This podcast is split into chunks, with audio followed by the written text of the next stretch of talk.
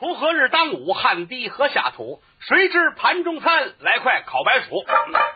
几句宋词念唱，这是宋瓷器那人编的，满不挨边儿。哈，肚子饿了，买块烤白薯。嗨，电视机前的观众朋友们，大家好大家好，啊！非常感谢您收看我们的喜剧茶馆《大话刘罗锅》，马上又要上演了啊！要说起来，这几天呢，确实是挺辛苦，每天呢录影啊要很晚很晚。可是啊，这对演员来说也算是家常便饭。只要是我们喜欢干，就一定把它干好。而且呢，平时还得注意保护嗓子，嗓子坏了说不了了。别看这儿说话不是唱，可是说多了也不行啊。有这么句俗话说得好：“话过千言，不损自伤。”而且这个发音吐字啊，我们有要求，要求用丹田较劲儿，用胸口、用嗓子全不行，一会儿就吐血了，非得靠着丹田劲儿 啊。要不怎么说我们打小都得吃点大力丸呢？哈哈哈啊，这是开玩笑。呃，不光这个注意嗓子，不能胡喊胡叫，而且呢，吃东西也很在意啊。太酸的东西不能吃，怕把嗓子齁住；太这咸的不能吃啊，太太甜的也不能吃，太辣的也不能吃。和您这么说吧，就是吃大米饭都得拿剪子把两头那尖儿绞了去，您不嫌费事？怕把嗓子扎着啊。哎，吃蛋糕都得搓碎了，拿水打完之后直接往下倒，多麻烦呢！不敢嚼，保护嗓子呀。啊，哎，后来呢，我得了一个偏方。什么偏方呢？有一个高人告诉我说，这个吃梨对嗓子有好处。有这么一说。哎，而据说当初啊，古界大王刘宝全先生每天睡觉之前就切这么一片梨，含在嘴里面，睡觉时含着，早晨起来把这梨吐出来，这片梨都黑了，说明什么呀？说明肺里的火全出来了，对嗓子好。哎，所以刘老爷子一直到晚年时候，嗓子都是很亮很亮的。哎，我一听说这主意不错呀，啊，这挺便宜，挺经济，这能试一试？可以试试。买了二斤梨，回来之后洗干干净净的啊，摘肉厚的地儿，歘歘削起一大片来。晚上头睡觉的时候，往嘴里一搁，很好了，睡觉。哎，赶等早晨一睁眼，怎么样？没了，没了，这梨哪儿去了？我这啊，哪儿去了？这我也纳闷啊。啊，我问我媳妇儿，我说我头晚上含了块梨，这梨哪儿去了？哪儿去了？我媳妇儿说你忘了，嗯，你还问我呢？自个儿的毛病你自己不知道吗？啊，什么毛病啊？你睡觉爱咬牙，你不知道？哦，你刚躺下没三分钟，这梨就让你给压了。嗨，哦，我说这么回事啊。我说这样的话，今天你帮我个忙，我躺下之后，你在旁边看着，我只要一咬牙，这梨我咽下去了，你别闲着，你跟着给我再续一片，我倒要看看这环灵不灵。值个夜班。当天晚上把梨也都削好了，二斤梨都削了，嘿，一大盘子躺好了。我说你别睡觉啊，你看着我啊，我先横一片，我要是一要啊，你当当一嚼，你就赶紧给我来一片，完事横着一片，我就睡觉了。早晨起来，我一睁眼，哎，这嘴里还是没有，我这火腾就上来了。我说你怎么回事你啊啊，太不像话了你，怎么说话不算数呢？这么点忙你都帮不了啊！我一说了，他挺委屈啊，你还怨我呀？你还怨我呀？我我我我我哪闲着了？我一宿也没睡觉，我连眼都没合，一片一片给你那么续啊！我去的这速度都赶不上你嚼的那速度。嗨，二斤梨都咽下不够，我饶俩烧饼跟你这点出息。啊！好家伙，这受得了吗？还差点咬我的手。嗨，我说这个玩意儿看来不行啊，这活儿看来不太适合我。哎，闲话少说，咱们书归正传 啊。说书就是这样，你光说书也不行，上来讲故事，人谁都知道。你甭管你说三国、列国、水浒啊、西游记，人买本书，人一看这故事都知道了怎么怎么回事。这里边非得什么都有，上知天文，下知地理，中晓人和，明阴阳，懂八卦，晓奇门，知遁甲，运筹帷幄之中，决胜千里之外。自比管仲、乐毅之贤，抱膝微坐，小风月，未出茅庐，先定三分天下。这不是我，这诸葛亮。哎，那你说？半截我就知道不是我了。咱们书归正传，说哪儿了呢？说到这个刘罗锅，还有这个乾隆皇帝，加上和珅这三个人在朝里，确实是挺有意思。说是君臣，但其中的这种感情已经超出了君臣啊。不过三个人的脾气秉性是各有不同。刘墉呢，那比较幽默，而且呢机敏啊。和珅呢，善于阿谀奉承，他的嗜好就是当官，就是发财，没有别的爱好。乾隆皇帝呢，有点好大喜功，而且呢，对这两个权臣呐，是既爱呀又恨，一阵两火，有点头脑不清。您琢磨，这么三位搁在一块儿，他能不出笑话吗？是不是？和珅这个人呐，人品稍微差点，为了当官，为了发财，是不择手段的。这一段时间，朝里朝外流传着和珅的一些个话，说出话来非常的难听啊！有老百姓传的，有文武群臣们说的，也有人造着谣，反说什么都有。归纳起来，最后总结出一条来，就说和珅这个人为了升官发财啊，为了取悦皇上，不惜让自己的媳妇儿陪着皇上喝酒饮宴取乐。满朝文武一提他，这这这人不能提啊，人格上有问题。这这为了自己升官发财，把自个儿媳妇都喝出去了啊，不像话呀啊！这这这人谁见面都不理他。和珅呢？也不知道是不知道这茬儿啊，还是真没这么回事儿。反正啊，见着谁还都是撇着大嘴的。可是呢，只要官儿比他大，那马上就换个样啊，跟谁都点头哈腰的。刘墉也听见这么回事儿，可刘墉呢这人呢不信。你别看他跟和珅俩人不对付，再说给别人造谣的事儿，人家刘墉不干啊，比较刚正。说这天晚上，刘墉、刘世安带着兵查街，在过去来说啊。呃，天一黑了，晚上他有一个规定的时间，说这会儿实行宵禁，老百姓不许再出来。不像现在说挺晚的了，还能出去唱个歌啊，喝个酒啊，大排档烤点肉串啊，还那阵儿没有。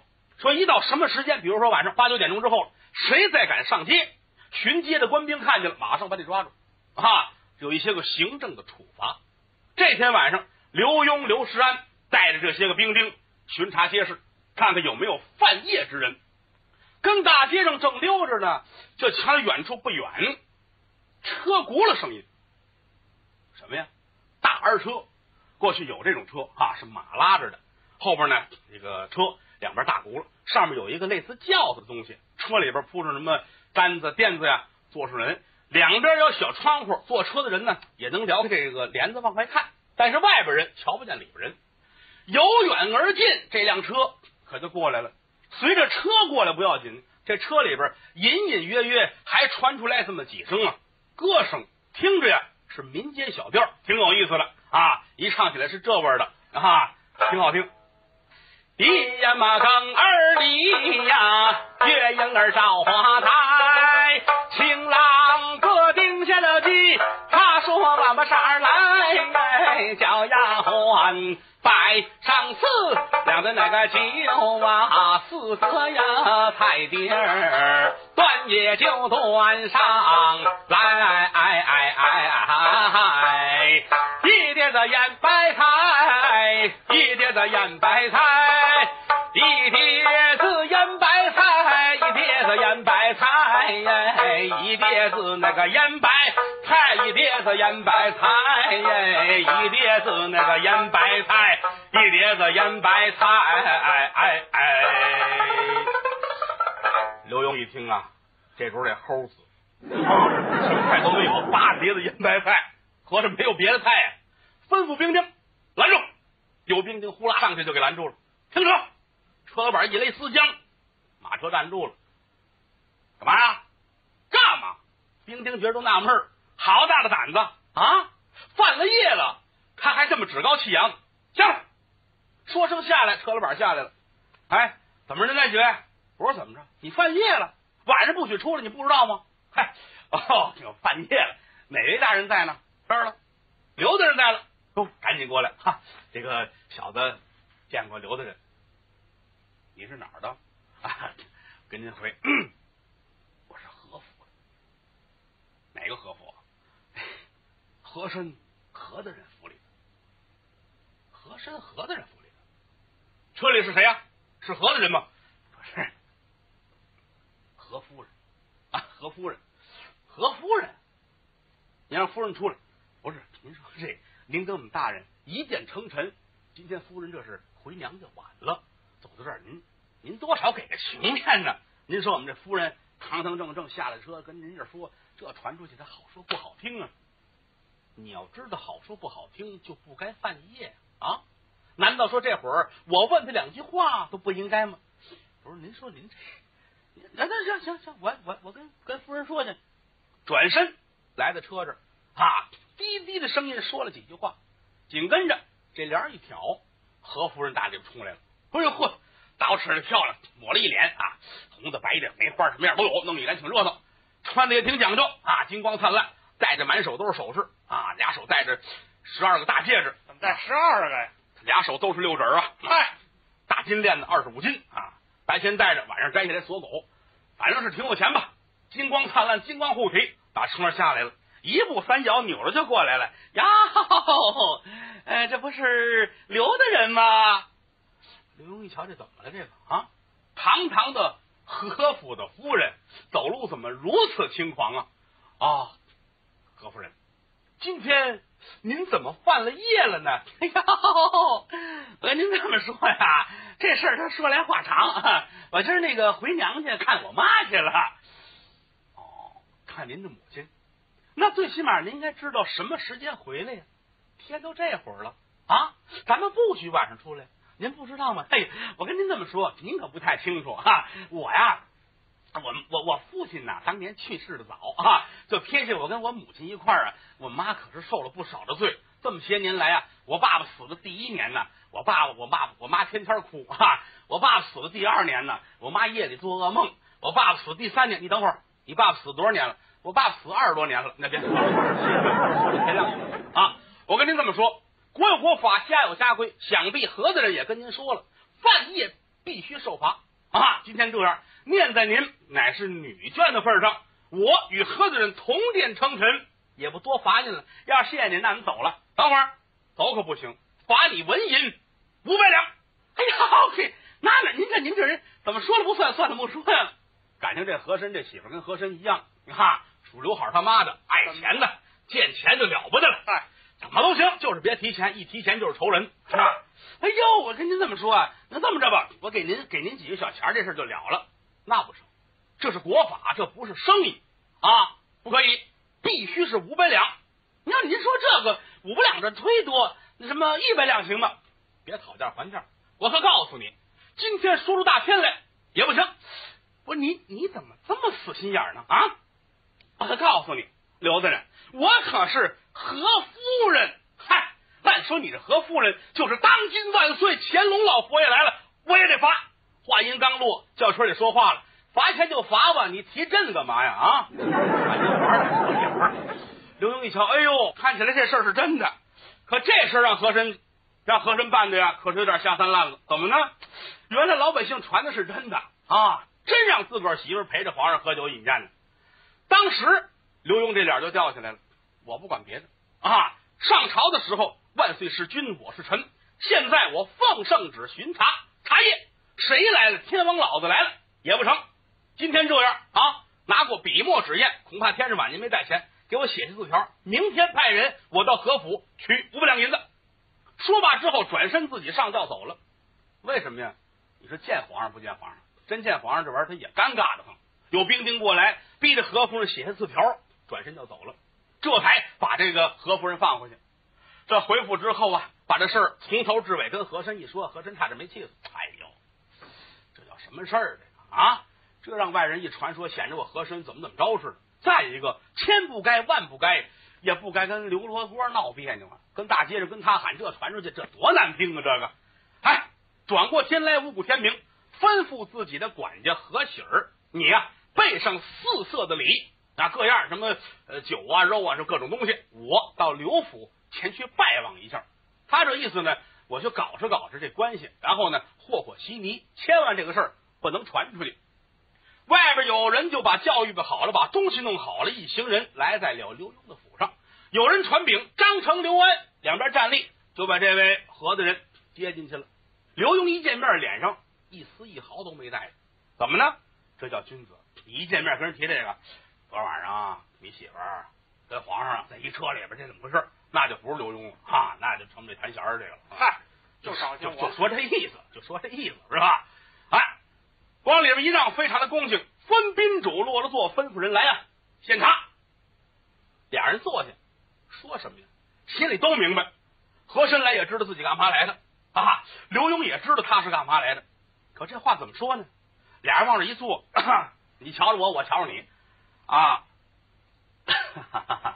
啊，何大人？啊，刘大人。哎，他还是和珅。嗨，啊，搭这干嘛也不是。